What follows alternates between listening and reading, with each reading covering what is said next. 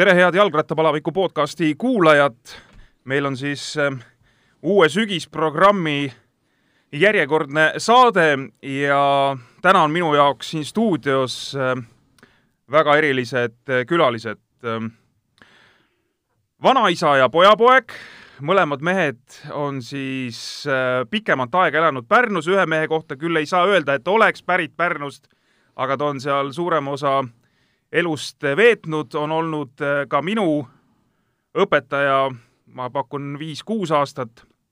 Äh, ja, ja see pojapoeg teeb hetkel siis mehetegusid äh, triatloni rindel, aga on olnud ka kunagi ikkagi puhtalt rattamees. tere tulemast stuudiosse, Timmo ja Ants Jeret!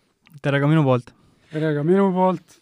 Ants, ma pean tunnistama, et mul noh, selles mõttes natuke piinlik, et ma pean nüüd äh, ikkagi tunnistama selle üles, et äh, see teie külla tulek siia sai ajend ikkagi eelkõige sellest, et Timmo siin üsna hiljuti Tallinna Ironmanil tegi jälle hirmsaid tegusid, et äh, täispikk triatlon alla üheksa tunni, et äh, et seda teha, sa pead olema ikkagi no väga heas füüsilises äh, vormis ja sinu kunagiseid tulemusi ta loomulikult ei ole üle teinud, eks aga tänasel päeval noored tahavad noortest rohkem rääkida. nojah, eks, eks Timmo ole, nüüd selle oma triatloniga ja juba nii, nii tõusnud, kuidas öelda, kõrgustesse, et äh, minul ei olegi sinna midagi juurde, juurde lisada lihtsalt, noh, see on, see on omamoodi, omamoodi nähtus minu jaoks.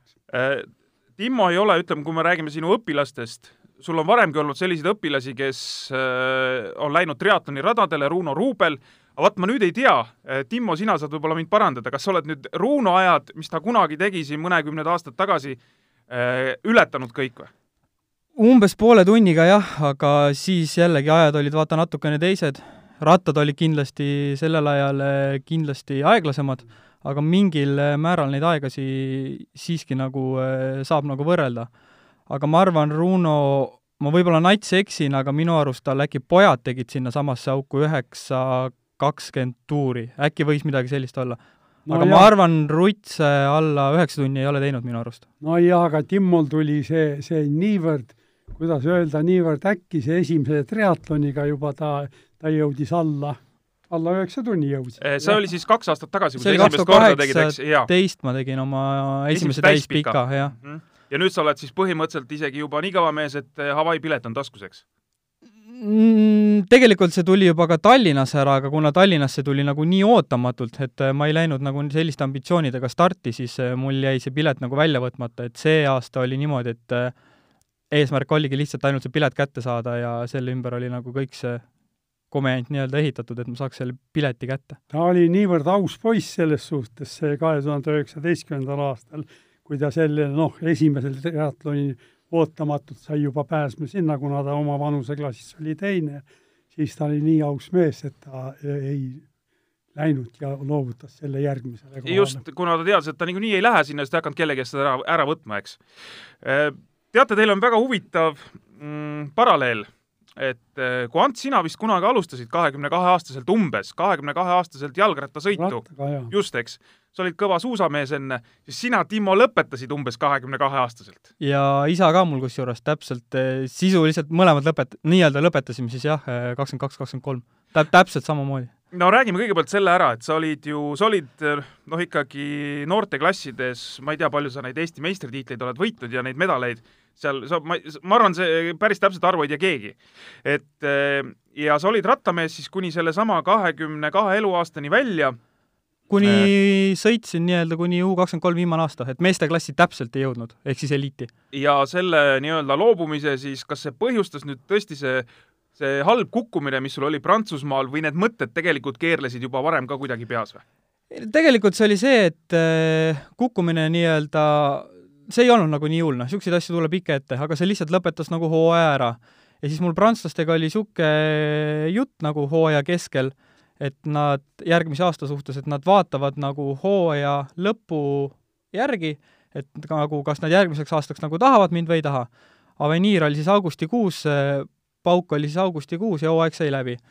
ja siis oligi, et järgmiseks aastaks mul, ma olin tolleks aastaks juba siis neli hooaega nii-öelda Prantsusmaal teinud ja siis nii-öelda kahe tuhande kuueteistkümnendaks aastaks mul ei õnnestunud nagu niisugust rahuldavat varianti meeskonna näol leida, et et ma läheksin nagu sinna ikkagi nagu tagasi.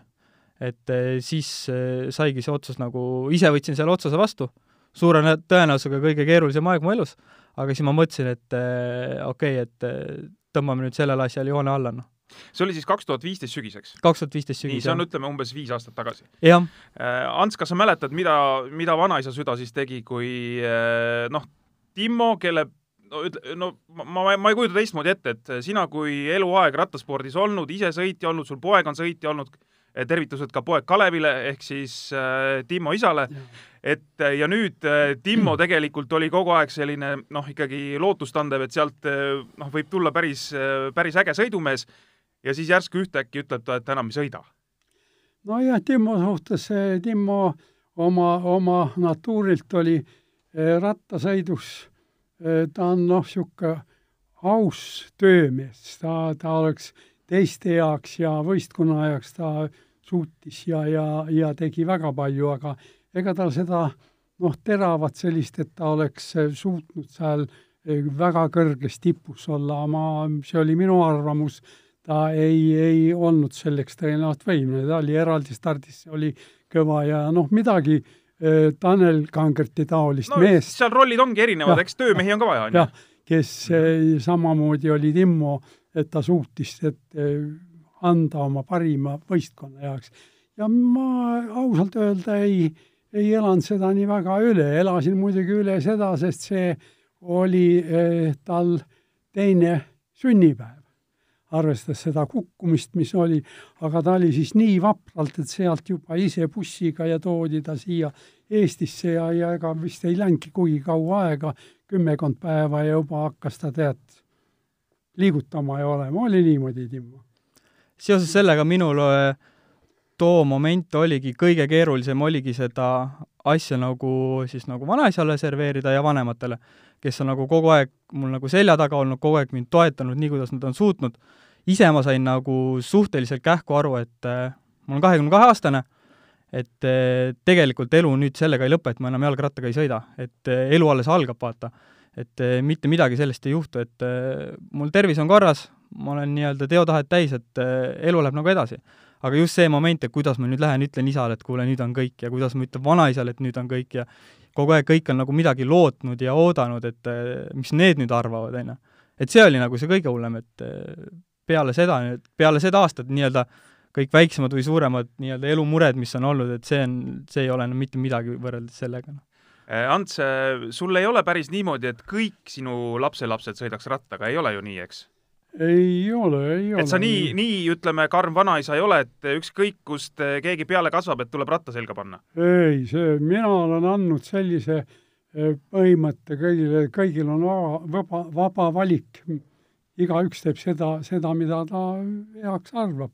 ja mina usun seda, et, et äh, Timmol nüüd, äh, kuna ta nende paari-kolme aastaga pärast seda seedis kõike seda, et ta eh, triatlonis, see on minu arvamus ja usk, et ta jõuab tõenäoliselt tunduvalt kõrgemale, kaugemale, kui ta oleks seda suutnud ainult konkreetselt rattaspordis vaadates sotsiaalmeediat, äh, millise pühendumisega sa praegu, Timmo, trenni teed, et äh, tihti su päevad algavad pool kuus, mitte vist iga päev, eks? ma mõtlen trenni mõttes.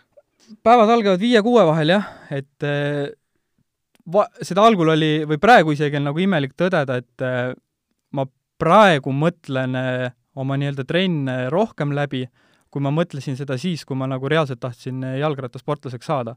nüüd tekkis see asi, et äh, ma pidi, siis kui ma rattas sõitsin, siis oli nagu lihtne, sa pididki neli-viis tundi päevas jalgrattaga sõitma, mitte midagi muud tegema. nüüd on see, et sa ärkad hommikul üles ja sa tead, et sa pead see kell tööle minema, see kell sa oled seal. eks sul on nagu, see aeg on nagu väga limi-, limiteeritud, sul on aeg, hommikul aega näiteks kaks tundi teha, et kuidas ma võtan sellest kahest tunnist nagu maksimumi välja ja võib-olla peale tööd siis leiad veel tunnikese. et aeg on nagu väga limiteeritud, et sellest ajast tuleb siis see nii-öelda eh, maksimum võtta, noh. no eks sa oled targemaks ka tõenäoliselt saanud, eks? Oh,? jah, ma arvan, ma loodan küll, et äh, ma kindlasti teen nagu asju nagu omamoodi ja minu kõik treeningud ei ole kindlasti sellised, et nad oleks nagu tulemusele orienteeritud, et äh, mul väga palju treene on niisuguseid, et äh, ma lihtsalt lähen välja ja lihtsalt panengi nagu põhjagaasiga, sest mulle lihtsalt meeldib, et mul on see võimekus seda teha. et minu jaoks nagu maksab see ka midagi sa oled praegu kakskümmend seitse, parimad aastad tegelikult füüsise mõttes ju võiks alles tulla, arvestades, et sa nagu sa oled praegu nii-öelda selle pika triatloni peal, et, et ma arvan, mingi vaata, et kümme aastat võiks rahulikult veel teha, kui on tahtmist ja kui on, ma ei tea, motivatsiooni, eks? Ironmani mõistes küll jah, et kui näiteks täitsa, kes on maailma tipus, on samuti seal kolmkümmend viis, kolmkümmend kuus, kolmkümmend seitse, siinsamas Tallinna Ironmanil samamoodi nii-öelda vanamehe nässidega pidin võitlema, et mi-, minu vanuseklass küll võitis, üldsotis, aga rohkem seal top kümme, top viisteist, top kakskümmend nagu minu vanuseid ei olnud, et eh, nii-öelda suhteliselt niisugune vanade meeste spordiala. meeldiv on see Timmo suhtes, et, et ta teeb praegust eh, seda, teeb nagu niisuguse vaba tahtena, ei ole mingit sundi ega ei ole midagi taga, nagu oli rattas, et kõik me ootasime, et kurat, nüüd ainult keegi tead, näitaks oma tagajärgi. ta teeb kõike seda praegust vabalt ja, ja nagu enda rõõmuks ja, ja heaoluks. nüüd Kas... ongi see, et äh, sisuliselt mitte mingit stressi ei ole, noh mm -hmm.. et ainuke stress, äh, mis äh, on, ongi võib-olla lihtsalt see elustiil, et see päeva lõpuks see nagu päris kurnav. Aga jällegi, et äh, mis ma nagu seal, no ongi, et päeva lõpuks mi-, mitmes ma seal Ironmanil olen, et äh, noh, nii-öelda see ei huvita nagu mitte kedagi, see on ainult, äh, ma teen seda ainult nagu enda pärast, noh. ja ma otseselt nagu ei võrdle ennast mitte kellegiga ja see on nagu võrreldes selle jalgrattaspordi aastatega teine. et siis oli iga, iga nädalavahetus, oli seal Prantsusmaal, iga nädalavahetus olid võistlused, on ju, jälle nagu vanematel kanna ette, kuidas läheb, on ju, vanaisale, on ju, vennale, on ju, ja siis, kui ei, otseselt ei tulnud ka midagi, noh, iga nädalavahetus ei tulnud midagi, päris palju oli niisuguseid nädalavahetusi, kus ei tulnud, ja siis kogu aeg seda nii-öelda nad ootavad ikka, et tuleb midagi enamat ja siis kannad ise, ise ka ootad, eks? no ise ka, no ise, ise veel kõige rohkem. ja siis kannad seda nii-öelda negatiivset informatsiooni kogu aeg edasi, on ju, et äh, nüüd nagu seda ei ole, noh. Eh, mis selle, räägime sellest stressist ka natukene, et äh, et äh, kui sa nüüd istud seal üksinda seal, noh, nii-öelda istud üksinda seal Prantsusmaal kuskil klubis ja, ja täpselt nii, nagu sa praegu rääkisid, et et praktiliselt iga nädal on võistlused, siis noh, nii-öelda suhtlused siin kodustega, et kui kõrge see stressitase seal on, et lõpuks ole, oled niimoodi stressis, et lähed poodi, ostad kotitäie šokolaadi ja sööd ära järjest? No mul oli seda väga palju, et kui ma ratas sõitsin, siis mul oli kaaluga ikkagi päris palju probleeme, et mul, no ma olin ikka jäme, ma olin ikka tunduvalt jämedam, kui ma olen praegu. et äh, aga ongi, et praegu näiteks ei ole selles osas ei ole stressi, aga siis olidki seal Prantsusmaal, võidusõidud läksid nahka, on ju, siis jälle, jälle läksid, lohutasid ennast nii-öelda söögiga, eks. Ja noh, sisuliselt olidki, leidsid lohutust nagu söögist, eks, ja siis olid nagu nii palju noorem ka ja nagu ei, mõtlesid ikkagi palju vähem, et eh, siis see mentaliteet oli niisugune, et eh, ükstapuha, mis situatsioon oli seoses söögiga, sisuliselt sõid niimoodi, et eh, et kui ma nüüd kohe seda kõike ära ei söö, siis ma mitte kunagi enam seda ei saa, noh. praegu nagu enam seda ei ole, saad aru, et kummikommid ja šokolaad nagu poest otsa ei saa, et nagu jumala, jumala ükskõik, vaata. kas Ants omal ajal liidu ametiühingute koondises, Eesti koondises, ka liidu koondises, kus sa paar aastat vist said laagrites käia ja jah, et oli ka stressi või? Ma ütleksin, et minul, minul seda nii suurt ei olnud, sest mul oli niisugune kindel teadmine ja, ja tunne alates juba kuuekümne esimesest aastast, kui ma hakkasin, hakkasin üleüldse rattaspordiga tegelema, eh, nelja-viie kuu möödudes jõudsin ma meistrinormini ja, ja, ja juba sügisel võeti mind ametiühingu koondises juba ette nagu vaadati ja, ja mul oli nagu kindel tunne ja, ja treenerid olid alati minu peale kindlad, et, et nad võisid minuga arvestada, sest ma olin nii noh, kuidas öelda, aus eh, töömees, kes oli alati väljas nii nagu Timmo nüüdki oli. no Timmo on järelikult sinult pärinud selle? no tõenäoline, et võistkonna eest ma andsin kõik, nii et mul seda stressi seal ei, ei olnud nii. samad, samuti Eesti koondises, et nagu kuuekümne esimese aasta sügisest juba seitsmekümne esimese aasta lõpuni olin ju kogu aeg Eesti koondise kindel mees, ei olnud seal midagi, et ei võeta nüüd või noh, iga kord oli teada, et koht on olemas. No siis, kui sina sõitsid Eesti koondisesse, oli tegelikult Eesti rattaspordi üks kuldajastu, sest äh, sinnasamasse ajajärku jääb ju see fakt, et äh, tuhat üheksasada kuuskümmend kuus maailmameistrivõistlustel liidukoondisega käis vist neli meest pluss üks naine. Jah, täpselt. täiesti uskumatu ju. et te olite ikka kõvad. nojah, eks see Matsia alates juba kuuekümne esimesest aastast, meil oli ju tookord, see oli omamoodi fenomen, neli Antsu ratta, ratta ja kõik olid tõsised, tõsised tegijad. Nendest kolme ei ole, kes on läinud kõik vanale teele. tuletame meelde ka need Ants Väravas, Ants Tombak, Ants Eret ja ja kõige, kõige vanem oli Ants Adamson. Ants Adamson. siis tuli, siis tuli Ants Väravas, siis tuli Ants Jeret ja, ja kõige noorem oli oli Tombak? Ants Tombak. jah. nii et teil oli lausa niimoodi, kõik oli vanuse järgi ja, paika pandud ja, seal, jah? ja oli kolmkümmend, kolmkümmend kuus oli Adamson okay. ja, ja Tombak oli kolmkümmend kaheksa, minust pool aastat noorem et jaa, see oli kõva plejaad, kui te seal sõitsite, me, me, Ants, jõuame kindlasti sinu tulemuste juurde ka veel, noh, need tuleb lihtsalt siin üle käia või ära mainida, aga sina olid siis ju suusataja, selles mõttes, et sa oled ise pärit Võrumaalt. Urvastest. Urvastest, see on siis, ütleme, kui tänased noored, siis luuletaja Kontra on vist sealt Urvastest meil pärit, eks? sealt mitte minu, tähendas Kontra sünnikoht ja vanemate ja minu juurest see vahemaa oli kusagil kuus kilomeetrit. ja kool oli kolm kilomeetrit. nii et hakkasid seal suusatama ja siis jõudsid, kuidas sa Pärnusse jõudsid, vanus oli sul vist umbes kaheksateist või midagi sellist, eks ei olnud, vanus oli viisteist. kui Pärnusse jõudsid? nii? viisteist tulin Pärnusse, mul oli tulid õppima siia või sinna Pärnusse? ema, ema õde oli Lavassaares ja õemees olid Lavassaares raudtee peal vedurijuht oli ja noh, maal midagi teha ei olnud ja tulin sealt ära tädi juurde.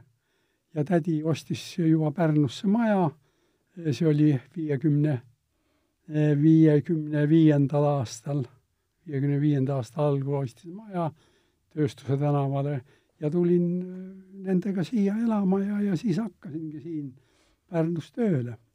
ja sul on vanem vend Heino, eks? Ei no kes puhkab maamullas. jah äh,, aga tema oli siis selles mõttes ka juba Pärnu sees või? tema ei olnud. ei olnud veel, jah? tema oli Kohtla-Järvel. ta oli Kohtla-Järve Kalevi esimees ja, ja siis tema tuli kas kusagil tuhat üheksasada viiskümmend, ma läksin sügisel sõjaväkke ja tema tuli viiekümne seitsmendal aastal tuli ka Pärnusse ja hakkas tädi juures seal minu toas, kus ma elasin, hakkas seal, kuna tuli Pärnusse, Pärnu Kalevi esimeheks toodi ta Kohtla-Järvelt. tuli ta Pärnu Kalevi esimeheks ja, ja siis ta jäi, jäi äh, elama Pärnusse. nii nagu sinagi? nii nagu minagi ja kuuekümne esimesel aastal siis ta oli, oli Pärnu Kalevi esimees ja siis ta organiseeris mind ratta juurde ja üks põhjus oli ka see, et ma saan aru, et ka tol korral siis või, või sellel perioodil talvedega oli probleem, et lund ei olnud või?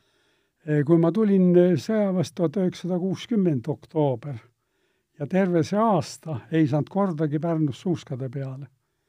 ja, ja siis Heino oligi seal, ütles, et kuule, et meil on kuuekümne esimesel aastal on ametiühingute üleüldine Spartakiaad ja et me ja Eesti Ametiühingute Spartakiaad on et tarvis on meil võistkond sinna välja viia, et, et proovi rattasõitu. ja meil oli selline inimene kui Eevi Kõiv, pärastine Eevi Talmar. nüüd ka tema juba puhkab maamullas ja eh, ja siis Heino kutsus ta Pärnusse, eh, kutsus tööle meil Kalevisse treeneriks ja kuuekümne esimese aasta esimesed trennid, esimesed pukasõidud hakkasid mul pihta ja, ja esimest korda oli see kas juunikuus või täitsin meistrinormi, tookord oli, eh, tuli eraldi stardis täita meistrisportlase normatiiv ja grupisõidus. nii et kahe alaga sai alles meistrinormi. ja juunis oli esimest korda eraldi stardis juba ja, ja juulis oli grupisõidus ja olin juba meister valmis. no sa olid jah, lihtsalt füüsiliselt, ma kujutan ette, nii heas seisus, eks? aga samas ma olin rattasõidus, olin nii koba, et, et, et, et vahest, tead, kui praegust seda mõtled, see oli hirmutunne tuli peale. aga kuna see füüsiline ettevalmistus suusa näol oli niivõrd tugev, siis sõitsid grupi kõrval ja mingit probleemi ei olnud, et tuulest väljas nojah, ikka seal tagapool ja, ja, ja kui tarvis oli, aga noh, sügise poole juba läks julgemaks, juba saime Eesti koondisega ametiühingu üleilmsel Spartakiaadil ja sai käidud. Timmo, sinul nüüd äh, rattaspordi juurde jõudmine läbi isa või läbi vanaisa? Ma arvan, see oli vanemate ja vanaisa koostöö, et äh, ma olin kas üksteist või kaksteist ja seal äh, kuttidega maja taga need äh, sigadused hakkasid juba päris suureks minema, et äh, see esimesed, esimene, teine aasta, ma arvan, oli ikkagi nii-öelda ülevalt poolt forsseeritud, et võeti kratis kinni ja pandi ratta selga ja öeldi, et nüüd sõidad. ja nagu väga varianti ei olnud. aga siis, kui ma olin juba ma arvan, kolmas-neljas aasta, ehk siis see M neliteist ja sealt edasi, et siis, siis ma ju siis juba tekkis endal see, et eh, kuule, tegelikult ongi päris lahe. ja siis enam eh, niimoodi väga, väga seda tagantutsitamist enam ei olnud. no eks sul tulid tulemused ka, eks, et see on ka kindlasti see, mis eh, annab sellele nagu fooni, sellise laheda fooni juurde? ma saingi M14 vanemana, sain oma esimese Estikate kulla. See oli maastikurattas sõidus ja täitsa hooaja lõpus ja sealt hakkas edasi see lumepall veerema mõtle, kus sa päästsid äh, vanaisa koormast, et äh, noh, ikka sa kujutad ette, Ants Jeret läheb kuskile võistlustele, eks, äh, pojapoeg sõidab ja siis ikka oodad, oi, see on Antsu pojapoeg, et küll sealt tuleb ja kui sa selle kulla kätte said, siis ma arvan, pärast seda enam keegi ei, noh, ma ei tea, ei, ei seal nokkinud Antsuga, et kuule, et millal sul pojapoeg siin tulemusi tegema hakkab. ma ei tea, kas seda nokkimist oligi, pigem minu jaoks nii-öelda see murdepunkt millal ma teadsin, et äh, okei okay,, noh, kui ma noor olin ja kui ta, kui ma mõtlesin, et ma tahan nüüd jalgratturiks saada, oligi vist äh, see koolis oli niimoodi, et mul oli kaheksas klass ja ma sain äh, oma kolmanda käskkirja ja ma mäletan seda momenti, et fuajees olin, et siis tollane õppealajuhataja Peep Enrait tuli, ütles, et kes mul siiani garaažinaaber, ütles, et Timmo, et üks vale liigutus veel ja siis sa lendad siit koolist, on ju. ja siis mul olid nagu häirekellad, et ma käin kaheksandas klassis ja mind visatakse nagu põhikoolist visatakse välja, et no kuhu, no siit ei ole, siis ei ole väga kuhugi enam langeda. ja siis, siis ma võtsin nagu kõigega tagasi ja mäletan, kaheksandas klassis tegin oma elu parima tunnistuse, mul oli aasta lõpus kolm kolme. see oli nagu minu jaoks oli nagu suur saavutus. ja peale mm. seda nagu tegelikult läkski kogu, kogu energia rattasõidule. enam Sest... minuga siis nagu probleeme käitumises eriti ei olnud, noh. Timmo, Timmo spordi juurde toomies oli, oli see, noh, niisugune ajend eh, Kalevil, eh, me elasime, tähendas kooli vastas oli kohe meil, eh, meie mai viis elamine. ja, ja, ja läks juba Kalevi, ütles, et, et tüütas ära, et kogu aeg ainult kooli kutsuti, teate. aru andma, jah? Timmo ula, ulakuste pärast, mis ta tegi, et lihtsalt noh, ei olnud. ja, ja siis hakkaski, vaat sellest hakkas ta see spordipisik ja ju me jõudsime nii palju rääkida, teate, et ta hakkas mul isa vist lõpuks isegi ütles õpetajatele, kuule, kui teil mingi pretensioon, et tulge parem koju, et mina ei jõua enam kooli tulla, et ma lihtsalt ei jõua, et tulge parem koju. mis sigadusi sa tegid siis? ma ei tea, kas neid ongi vaja kõike lahata, aga noh, selles mõttes ega ma noh, ega niisuguse väikse kutina ega otseselt kriminaal ei olnud, aga pigem kogu aeg oli see, et kaua sa seal majade vahel seda jalgpalli ikka jõuad eh, toksida, et sealt enam mingit emotsiooni ei saa, et kogu aeg oli vaja kuskilt midagi kruttida, mingit jama nagu kokku keerata. et nagu midagi niisugust, mis paneks nagu vere vemmeldama. selles oligi see küsimus, noh eh, sa oled eh, noorena siis koos sõitnud meie praeguste proffidega Mihkel Räim, Aksel Nõmmela, Laas, Laas, Nisu, Nisu., et need olid kõik nii-öelda sinu ea mehed, eks? põhimõtteliselt või on, tähendab? jah, tegelikult mm -hmm. oligi see nii-öelda see viimane hea hea aastakäik enne meid oli see Taaramäe kangert, kaheksakümmend seitse, ja peale seda oli tegelikult niisugune ma arvan, väga liiga idee, liiga idee, et niisugune täitsa tühi maa. ja nüüd ongi see üheksakümmend kolm, üheksakümmend neli aastakäik, kus meil on jälle nagu profe, kes sõidavad nagu nii-öelda väga kõrgel tasemel. et see on põhimõtteliselt jah, need on kõik minu, minu aasta kutid seal, kes praegu veel sõidavad. millal see üle läks, et kui kusagil räägiti või näidati sinu vanuse mehi, kellel läheb väga hästi rattaspordis ja sul enam kripeldama ei hakanud? no selles mõttes, heas mõttes kripeldama, et, et pagan, et äh, ise oleks võinud ka seal sõita. tegelikult see läks nagu isegi täitsa ausa südamega võin öelda, et see läks nagu väga kähku üle. et kui ma täna Tour de France'i vaatan, siis mul ei ole mõttes, et ma tahaks või ma võiks või ma, et ma peaks seal olema, ma hoian ennast väga kursis, ma hoian väga kursis enda, just end, enda aastakäiku kuttide tegemistega, ma iga päev hoian pöialt, et teen hommikul silmad lahti, et äkki Laas on juba uue lepingu kirjutanud või Mikk on uue lepingu kirjutanud. et ma neile hoian väga pöialt, aga ma, ma ise ei tunne, et ma täna tahaksin või peaksin näiteks seal kuskil väga kõrgel tasemel võidu sõitma et ma olen selle asjaga, ma olen nagu väga ammu juba rahu teinud, no ütleme nii, et viis aastat siis. Äh, mis sa, Ants, arvad, äh, kas kunagi tuleb äh, kuskilt liini pidi keegi Jeret, kes on profijalgrattur ja ja saab need geenid ikkagi kaasa niimoodi, et, et sinna profideni jõuab välja, kuigi ma pean muidugi ütlema, et siis, kui sina omal ajal sporti tegid, ega sa olid ka tegelikult ju proff, eks? Öeldi küll, et ei ole, aga tegelikult ju olite, eks? viis aastat olin ametiühingu üleüldises tipi peal, sada kaheksakümmend rubla oli tolle kohta korralik. ja tegid ainult sporti, eks? ma ei tohtinud kusagil mitte midagi teha. ainult kirjas olin Pärnu Kalevi treeneri instruktor, aga mingit tööd ja teha ma ei tohtinud. aga see palgaraha tuli kõik Moskvast juba. Liidu, liidu. just, nii et tegelikult sa olid ikkagi no, ütleme, professionaal, on ju? jah, jah. ja ütleme ka järg- või eelmised aastad sellele, need olid kuuskümmend viis kuni seitsekümmend üks, aga kuuekümne esimest juba noh, see tead, kogu aeg võistlustel käimine, siis oli ju kõik maksti kinni, tead. kõik elamised ja, ja söögid ja transpordid ja kõik ei olnud mitte nii, et praegust peavad, tead, ise seal kombineerima ja tegema, siis oli kõik, oli riigi poolt. Nii, räägime nüüd mõned tulemused ka ära äh,, eriti äh, sümpaatne, ma vaatan, on sul olnud aasta tuhat üheksasada kuuskümmend üheksa. Äh, see oli siis see aasta, kui sa olid liidu meistrivõistlustel eraldi stardis neljas, grupisõidus kaheksas ja eraldi stardis jäi sul medalist puudu mingi õit-, mõni sekund vist, eks? kaks koma kolm. kaks koma kolm sekundit. et põhimõtteliselt oled sa pronksi, pronksi. pronksi mees peaaegu olnud, eks? Ja siis sa said, samal aastal sa said üleliidulisel Velo. velotuuril ehk siis liidutuuril, ütleme nii, eks?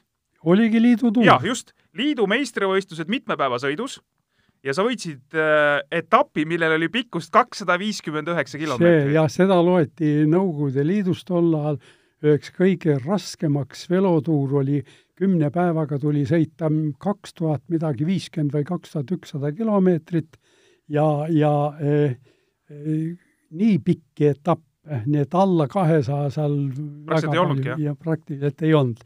mõni üksik oli, et ja, ja seal oli kui üheksakesi olime eest või algul sõitis kuus meest eest ära, pärast meie kolmekesi läksime järgi ja kui oli Frunzele, Frunze linna äh, jäänud, linnaringid jah, kuskil seal või? ei olnud ah., sisse sõita. Äh, oli jäänud viis või kuus kilomeetrit.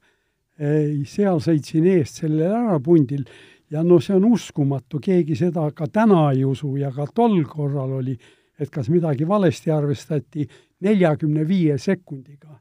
Selle maaga sõitsin linna vahel eest ära, nii et teised praktiliselt vaevalt ainult liikusid, vaevalt liikusid.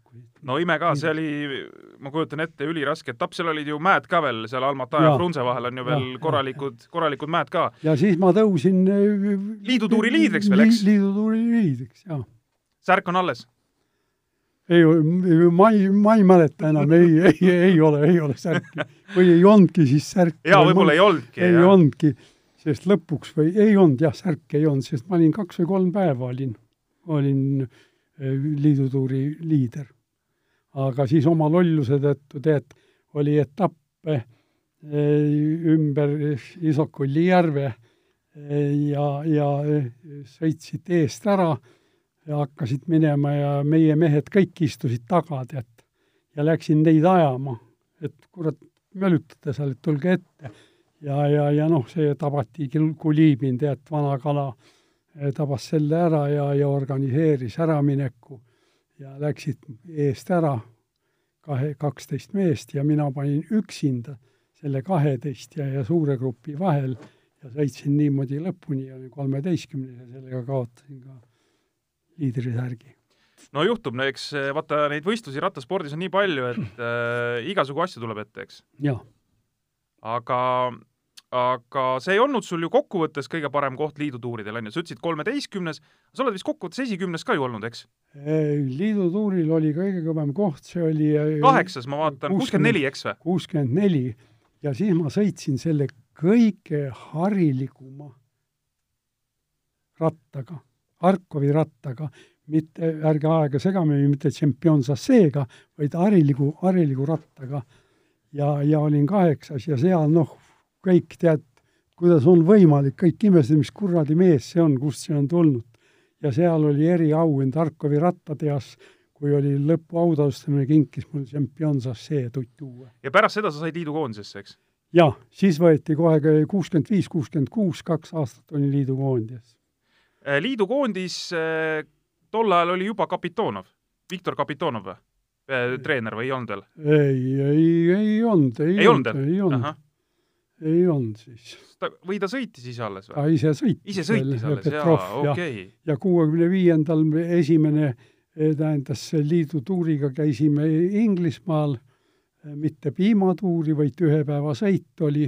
Sapko, mina, Neljubin, kurat ja kes neljas oli, ja seal võitsime ära, Sapko võitis ära, saime seal auhinnaks.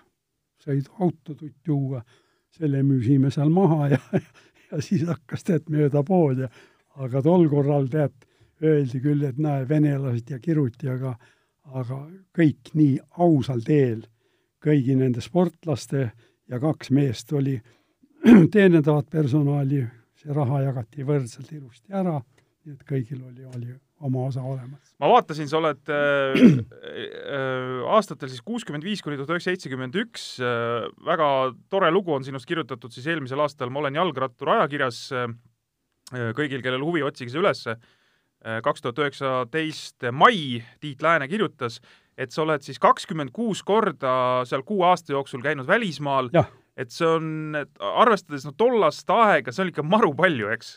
oli küll ja see, see oli põhiliselt, kõik oli sellesama ametiühingu üleüldise koondisega, ametiühingu üleüldise koondisega. meil oli laagrid, olid meil Itaalias, Prantsusmaal oli mingi neli või viis korda, mis me käisime. Inglismaal, nagu sa ütlesid, käisid, eks? Inglismaal, Belgia rääkimata sotsmaadest kõigist. sest sotsmaad, need olid noh, seda ei peetud nagu tol korral nagu väljamaaks eh, olid, olid sa siis kõva ärimees ka ma, eh, mis ärimees, vähemalt kindlustasin omal edaspidise elu, edaspidise elu tänu sellele, et, et viis aastat olin stipendiaadina, kõik oli tookord tasuta ja selge see, et eks, eks sealt neid Eh, pudeleid sai sinna viidud ja, ja, ja ja muid asju vastu toodud? jah, muid asju vastu toodud. Eh, mitte eh, endale ainult, vaid ka tervele perele ja, ja ka müügiks. Sest ausalt öelda oli, oli kohti, kui tulime tagasi, suur, mis praegust on need mustad niisugused kotid, suured kotid on, sellised kotid olid meil täis vihmaneid, noh kuidas ta öelda. mingi vihmamantlid või midagi sellist? no ja, ja, ja, ja, ja läbipaistvad ja, ja, ja sellised kokku pandavad. Need kotid olid neid täis, aga siin ma mäletan, tolle hind oli kaheksakümmend kuni sada rubla oli tükk. sai kindlustatud omale no ja ma olen neid jutte siin, selle, ma andsin sulle, andsid ka ühe raamatu, mis see aasta õnnestus valmis kirjutada, et et seal on samamoodi need jutud sees kõik, mida, mida tehti ja seal osavamad mehed isegi vist ühe pikema reisiga suutsid nii palju endale siis raha tekitada, et said endale kuskile paneelmajja korteri osta. No minul oli vähemalt seda ohtu ei olnud, kuuekümne, kuuekümne kolma, kuuekümne esimesel kohe. Sain omal uue korteri, tookord Silla tänavale kahetoalise. Ja, ja pärast tänu, kui remondi-ehitusvalitsus olin veel tööl, ja too juhataja Erich Raudnagel oli, oli tohutu spordifanaatik ja see andis ants, et mis sa jamad, tead, et ehitasime uue maja Mai tänavale ja, ja tule, et saad neljatoalise korteri ja andis mul sinna neljatoalise korteri. nii et minul tarvis ei olnud osta, pärast nüüd, kui juba tuli see Eesti aeg, siis äh, selle sain maha müüa kümme, kaksteist aastat tagasi ja sain korraliku nii et summa selle eest äh,. tuleme korra veel nende võistluste juurde, sul isegi välismaal äh, õnnestus Itaalias üks võidusõit võita, mäletad? ja, ja, ja mägedes, mäe. Ja nüüd ma küsin su käest, Ants, et kõik need tulemused, mis me siin oleme ette lugenud juba, ma olin su õpilane viis-kuus aastat, miks sa meile, ma, tõsi, ma ühte korda mäletan, kui sa võtsid meid sinna baasi kokku ja midagi sa seal näitasid meile. aga sa oleks pidanud meile seda juttu rääkima, et vaata, kus mina omal ajal, kui kõva mees ma olin, ma ei tea, kümme korda vähemalt ühe hooaja jooksul ma ei tea ju, mul ei olnud siis seda ei, ei olnud niisugust soont, seda rääkimissoont või, või, või mis asja aga noh, vahepeal mul üks selline moment eh,, Humanitee sõidul oli eh, dopingu suhtes. seda noh, palju ei taheta rääkida, aga ma olen seda igal pool ausalt rääkinud. oled olen, proovinud? ma olen elus ühe korra, ühe korra olen ainult ühte tabletti ja selle tableti andis mul Humanitee võidusõidul Kulibin. ehk siis oma koondise mees? oma koondise mees. Kulibin, tookord ta oli EÜ liidukoondise üks kõvemaid mehi, esimese kolme hulgas kogu aeg, väljamaal oli ta põhiliselt võitja ainult ja, ja oli humanitee lõpuni jäänud sõita kusagil paarkümmend kilomeetrit, tuli mulle kõrvale, ütles, et Ants, ma enam ei suuda, võta see tablett ja tõmba alla. Nägin ainult seal tabletil oli pealuu kujutis oli peal, tõmbasin selle omal alla ja, ja siis, kui hakkasin, tead, hakkas äkki ühe viie-viiekümne minuti pärast selline, tead, ei tea, mis oleks ära teinud. ainult kui need kõrvalsõitjad, o russo, o russo, o russu, ja kui jõudsin finišisse, siis tuli välja, et olin alles kolmeteistkümnes, sest ennem olid eest kõik juba ära. no sa võtsid liiga hilja selle tableti? jah, ja, mitte ma ei võtnud, aga mulle sunniti. ja, ja pärast seda andsin omale lubaduse ja mida ma täitsin kogu oma lõpuni, mis oli jäänud sõita veel kak-, kaks aastat. ja pärast, kui ma treenerina töötasin, et ma enam mitte kunagi seda ei võta ja mitte kellelegi oma õpilastest ei luba, ei soovita seda ja ma seda lubadust täitsin auga. Noh, meie saime ka alati vett ja leiba, meile muud, muud ei pakutud trennis. ja, ja, ja samas seesama Kulibin eh, kaks aastat hiljem olime veel koos laagris temaga, see oli kusagil maikuuses, olime ühes toas. Ja, ja ta oli tead külmavärinates, oli kõrge palavik. Ja ütled Ants, et sa no ei otsinud lohku. ja septembrikuuses läks tema manalateele, verevähk. no vot, kunagi ei tea, et äh, millega sa mängid lõpuks, eks ja,. jah, jah äh, sul on olnud, äh, Ants, ka päris nimekaid õpilasi, ma pean silmas, äh, kes on ikkagi noh, jõudnud, ärme Eesti koondisest räägi, aga silma paista ka kaugemal. Et äh, Aivar Murd näiteks äh, noh, liidukoondisesse välja, samamoodi võib tegelikult Runo Ruubeli kohta öelda, kes kes vähemalt liidu noortekoondistesse jõudis välja, et Meelis Lippe. Meelis Lippe, siis äh, siin neid, neid mehi vist on veel, eks? Ei tea ja, ja siinsamas minu ees on praegust üks ei, ei mina rattasõitjana ei olnud küll mingi oli, suurem asi. sa olid väga tubli, Eesti meister olid, Ivar, nii et jaa, Eesti meister küll jah, selles, selles mõttes, aga, aga kas sa, kas sa oled äh, kuidagi, ma ei tea, ma arvan, et sul on olnud päris palju aega, ütleme, mõelda siin äh, viimastel aegadel, et et äh, oled sa, oled sa, nagu kuidas ma ütlen, enesega öö, mitte rahul ei ole õige sõna, aga et, et, et tegelikult sa oled nagu andnud noh, nii-öelda palju selle rattaspordi jaoks ja võib-olla see rattasport ei olegi põhiline, võib-olla lihtsalt, et sa, kui sa näed neid, neid inimesi kusagil, et see võib-olla teeb sulle rohkem rõõmu, et nad noh, toimetavad, saavad hakkama, toetavad sul tegelikult või toetavad tänasel päeval Pärnu rattasporti? minul on rõõm tõdeda ja, ja ikka meenutada seda, et oma tegemistega ma noh, nakatasin oma poja Kalevi, samas ka Timmu, tähendas, see on nagu kõik noh, minu poolt edasi, edasi antud. ja eh, ma ei tahaks seda mitte mingi halva pärast või öelda, et neid eh, tagajärgi nii väga võimsaid ja kõrged ei olnud eh, võib-olla minu õpilastel kui mul endal, aga mis ma suutsin anda oma õpilastele, paljudele, paljudele sadadele, suhtumist ellu, suhtumist ausasse töösse.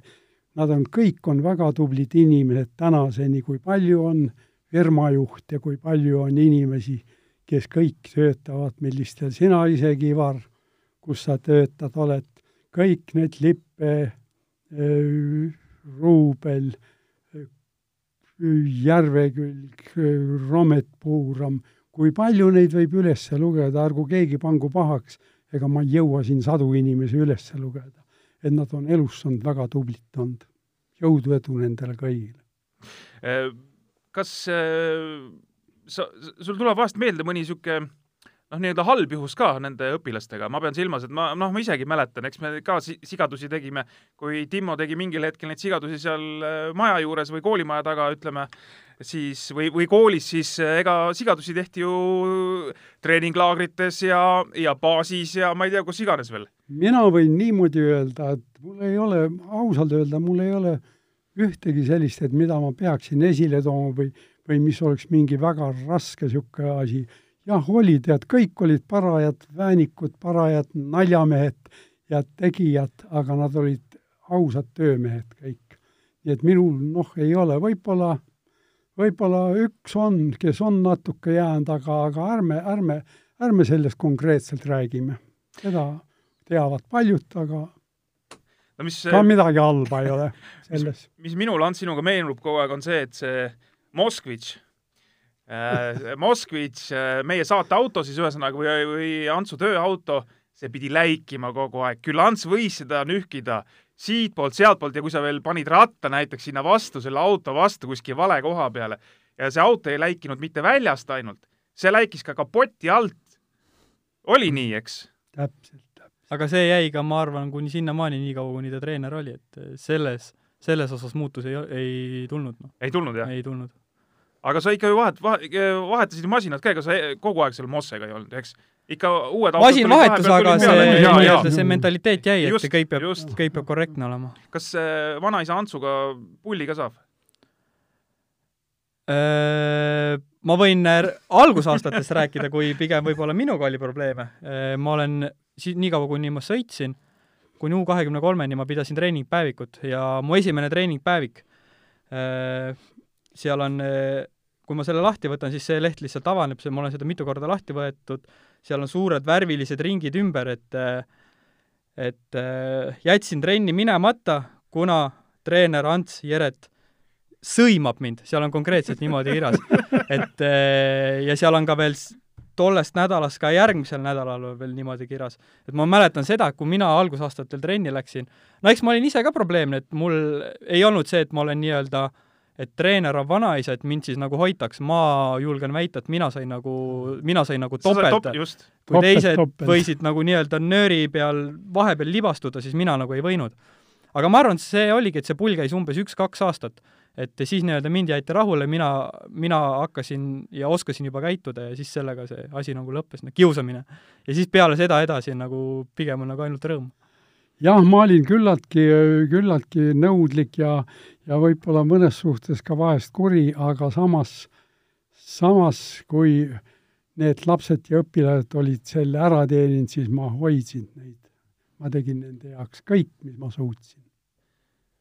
et äh, ma, äh, kindlasti on raske olla, ütleme, nii nagu sa, Timo, praegu rääkisid, et, et vanaisa on treener samamoodi siis sinu isa ka, et äh, nii-öelda Kalevi treener olid sa, Ants, ju samamoodi, eks.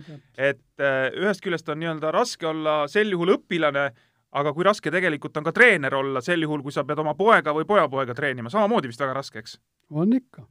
minul oli see moment noorena, et olid trennis, on ju, kõik, no ütleme jah, siis kui ma täitsa alustasin, et et ma ei osanud kuidagi nagu pöörduda, et imelik on nagu vanaisa öelda, teised kutid on ümber, ime, veel imelikum oli Ants öelda, onju, ja siis kuidagi lähenesidki, läksid kuidagi niimoodi, et ta nägi sind ja õu, kuidagi õu, et tahaks seda või oleks seda vaja. et kuidagi see pöördumine oli nagu hästi imelik. praegu on jälle vaata vanaisa mingit nii-öelda treeneri, treeneri suhet nagu ei ole, aga siis tollel momendil see oli nagu kõige keerulisem Te olete, no sina, Ants, olid siis meil, ma vaatasin, paranda jälle, kui ma eksin, et et nelikümmend seitse aastat olid sa siis treener ja. Pärnus, eks? jah, ja ametlikult tähendas siis ma ainult treeneritööga. Noh, algul olin, olin, kuidas öelda, treener, instruk- või abistaja, kui ma veel ise sõitsin, aga see läks kah treeneri sellesse kirja kolm-neli aastat. maru pikk aeg mm.. Täi-, kas sul isu kunagi täis ei saanud? ausalt öelda ei saanud. ja mul oli natukene kurb tunne oli see, kui siin kolm aastat tagasi või ma tahtsin ja, ja mu unistus oli, et ma saan kaheksakümne eluaastani olla treenerina ja ma oleks suuteline olema selleks. ja, ja sellest oli natukene kurb, aga noh, ma pidin ka aru saama, et et ju siis leiti, et on vajadus ja, ja, ja noh, mu ärasaatmine ja see oli väga soliidne kõik ja väga-väga mõnus ja, ja aga, aga see jah, natukene kurvavõitu oli. Ja tahtsin, tahtsin kaheksakümneni välja ja ma oleks tervisliku seisukohast ja oleks võinud seda kõike teha. kas sa tänasel päeval kuidagi puutud äh, rattaspordiga kokku?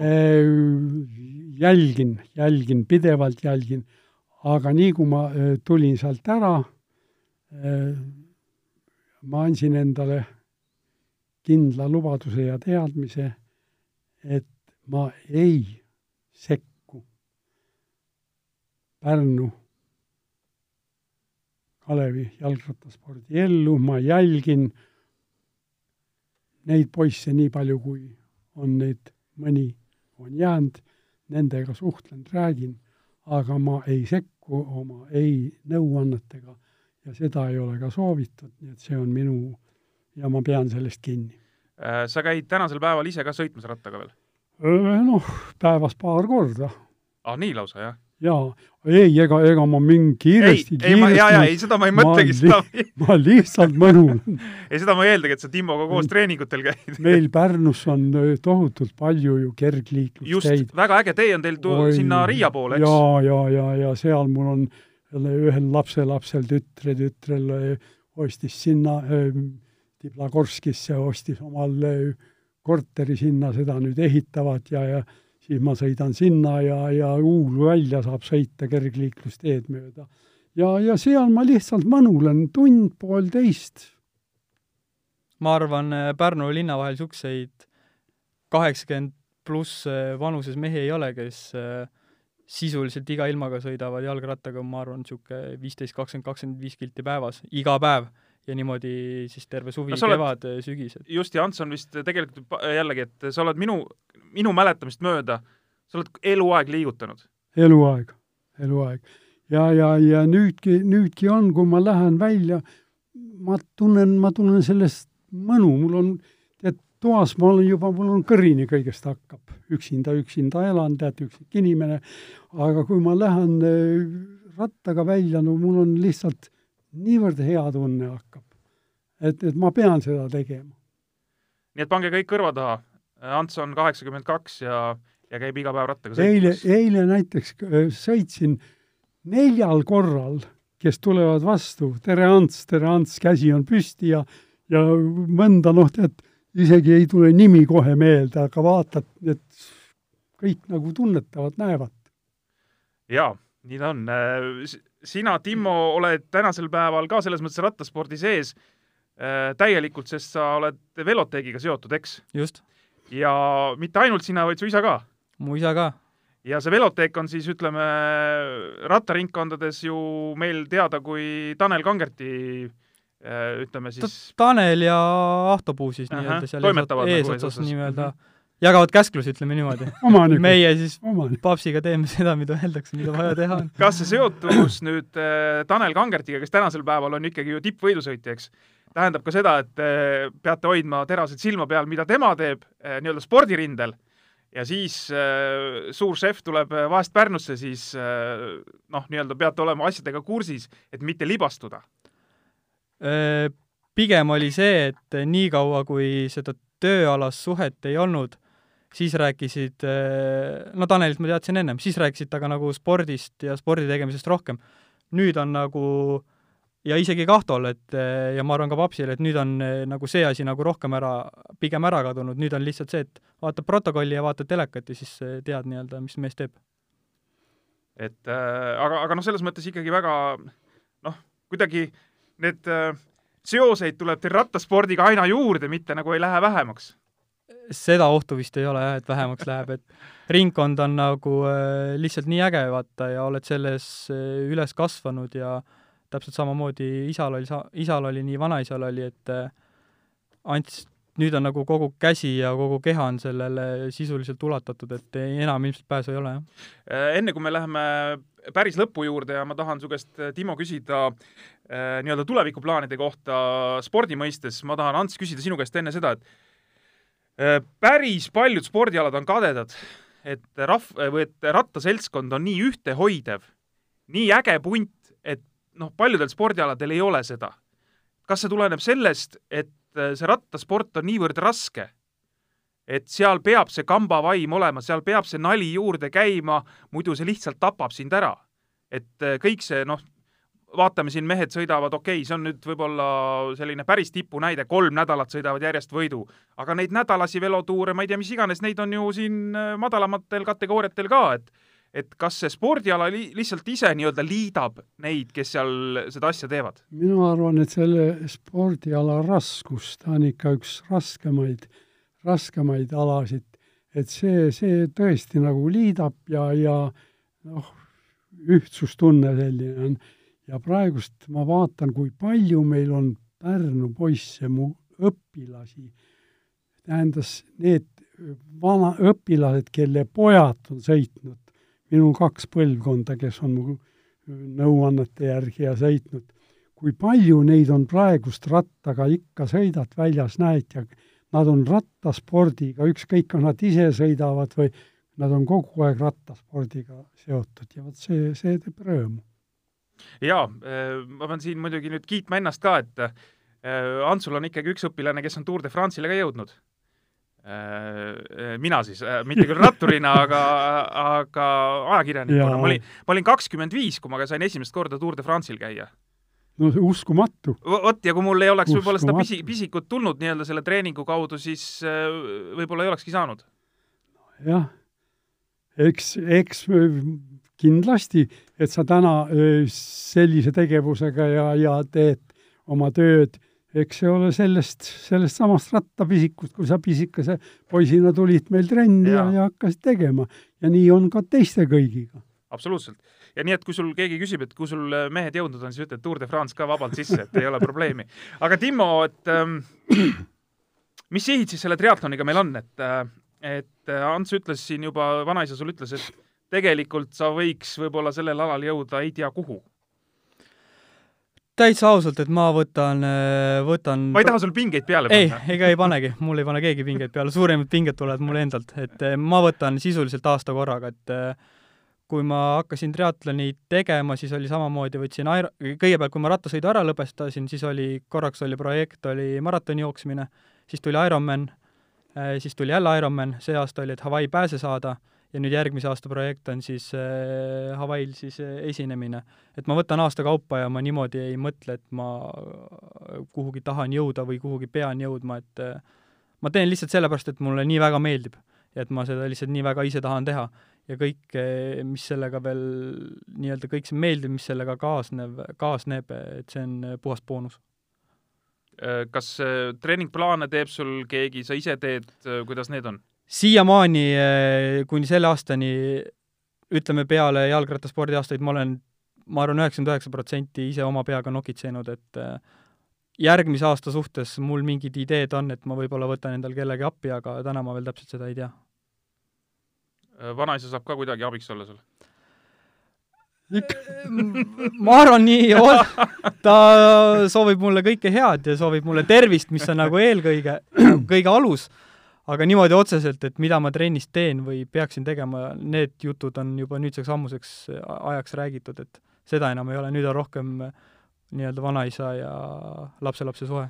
minule, minule meeldib selle kõige juures see, et Timmo võtab kõike seda niivõrd mõistusega ja niivõrd noh, kuidas öelda, tema enda mõttes nagu teaduslikult ja võtab ja kõike ise, ise teeb ja on. ja, ja tal tšui-tšui-tšui seenini on raudne tervis olnud. ja mina usun, et ta jõuab edasi. kindlasti jõuab. Eh, päris lõpetuseks, kui te nüüd äh, jõulud tulevad, need ei, ei ole kaugel enam äh,, istute maha ühise laua äärde, kas rattajuttu ka tuleb või, või jõululauas ikkagi rattajuttu ei tule, et suudate Äh, mõnel õhtul, kui kolm põlvkonda, ütleme siis noh, nii-öelda rattainimesi istub maas, et siis räägite millestki muust või ikkagi no mingil hetkel see teema ikka sisse tuleb mm,? pigem on see, et äh, see, see asi on selles mõttes aina hullemaks läinud, et äh, selles mõttes hullemaks, et nüüd minu elukaaslane teeb natukene sporti, vend teeb sporti, venna elukaaslane teeb sporti ja tagatipuks äh, mul ema ei ole mitte kunagi elus sporti teinud ja nüüd tema ka kalpsab Pärnu linna vahel, et eh, joostes ringi, et et eh, ka jõululauas, ma arvan, eh, spordijutust me ei ole pääsenud ja ei pääse ka, aga see lihtsalt käib meie, meie perega kaasas ja see lihtsalt ongi niimoodi. ja, ja isegi sinna vahele Kalevi on ju, Kalevi on ka juba viiskümmend, viiskümmend kolm, jah. vanem on natuke, kuuskümmend kolm sündinud. viiskümmend seitse ja Kalevi noh, no nii tipp-topp kogu aeg teeb, et eh, kõik on terve, see pere on, kõik on, nad on kõik oma elukaaslased ja ja siinsamas Tallinnas Keijo ja oma elukaaslasega, kõik on nüüd hakanud tegema. no nii, sa oled, eh, Ants, igal juhul oma missiooni siis täitnud, et sa oled, liigutad, oled terve ja, ja elu läheb äh, nii-öelda, kuidas ma ütlen siis rõõmsamalt ja, ja tulemuslikumalt edasi? jaa, ehm, minu soov on see, et seda meie pere traditsioon ja dünastiat ikka viiakse edasi, see on nende kätes, et järelkasvu oleks, paraku seda momendil ei ole. see, see on ta, ma arvan, kõige suurem unistus, et see neljas ja. põlvkond nagu ära näha. et ma näeksin ka neljanda põlvkonna ära aga seda ei tea, et jah, vahest tuleb lubavarst pauku, aga millal see juhtub, seda, seda, mina no, ei luba midagi. mina usun, et kõik on kõige paremas korras, et meil kõigil oleks tervist, tervist. ja kõigile, tervele Eesti rattaspordile hea meel on lugeda ja teada, kui hästi läheb. soovin, et läheks veel paremini ja meil oleks tublisid noori ikka ja rohkem. aitäh teile tulemast eh, siia Tallinnasse Äh, stuudiosse ja, ja ma usun, et äh, Antsu sõnad lähevad äh, selles mõttes täide, et küll me Timmost veel siin kuuleme ühte koma, koma täist. aitäh ka kuulajatele, selline oli siis seekordne jalgrattapalaviku saade ja me oleme kuuldel taas kord kahe nädala pärast. aitäh kutsumast!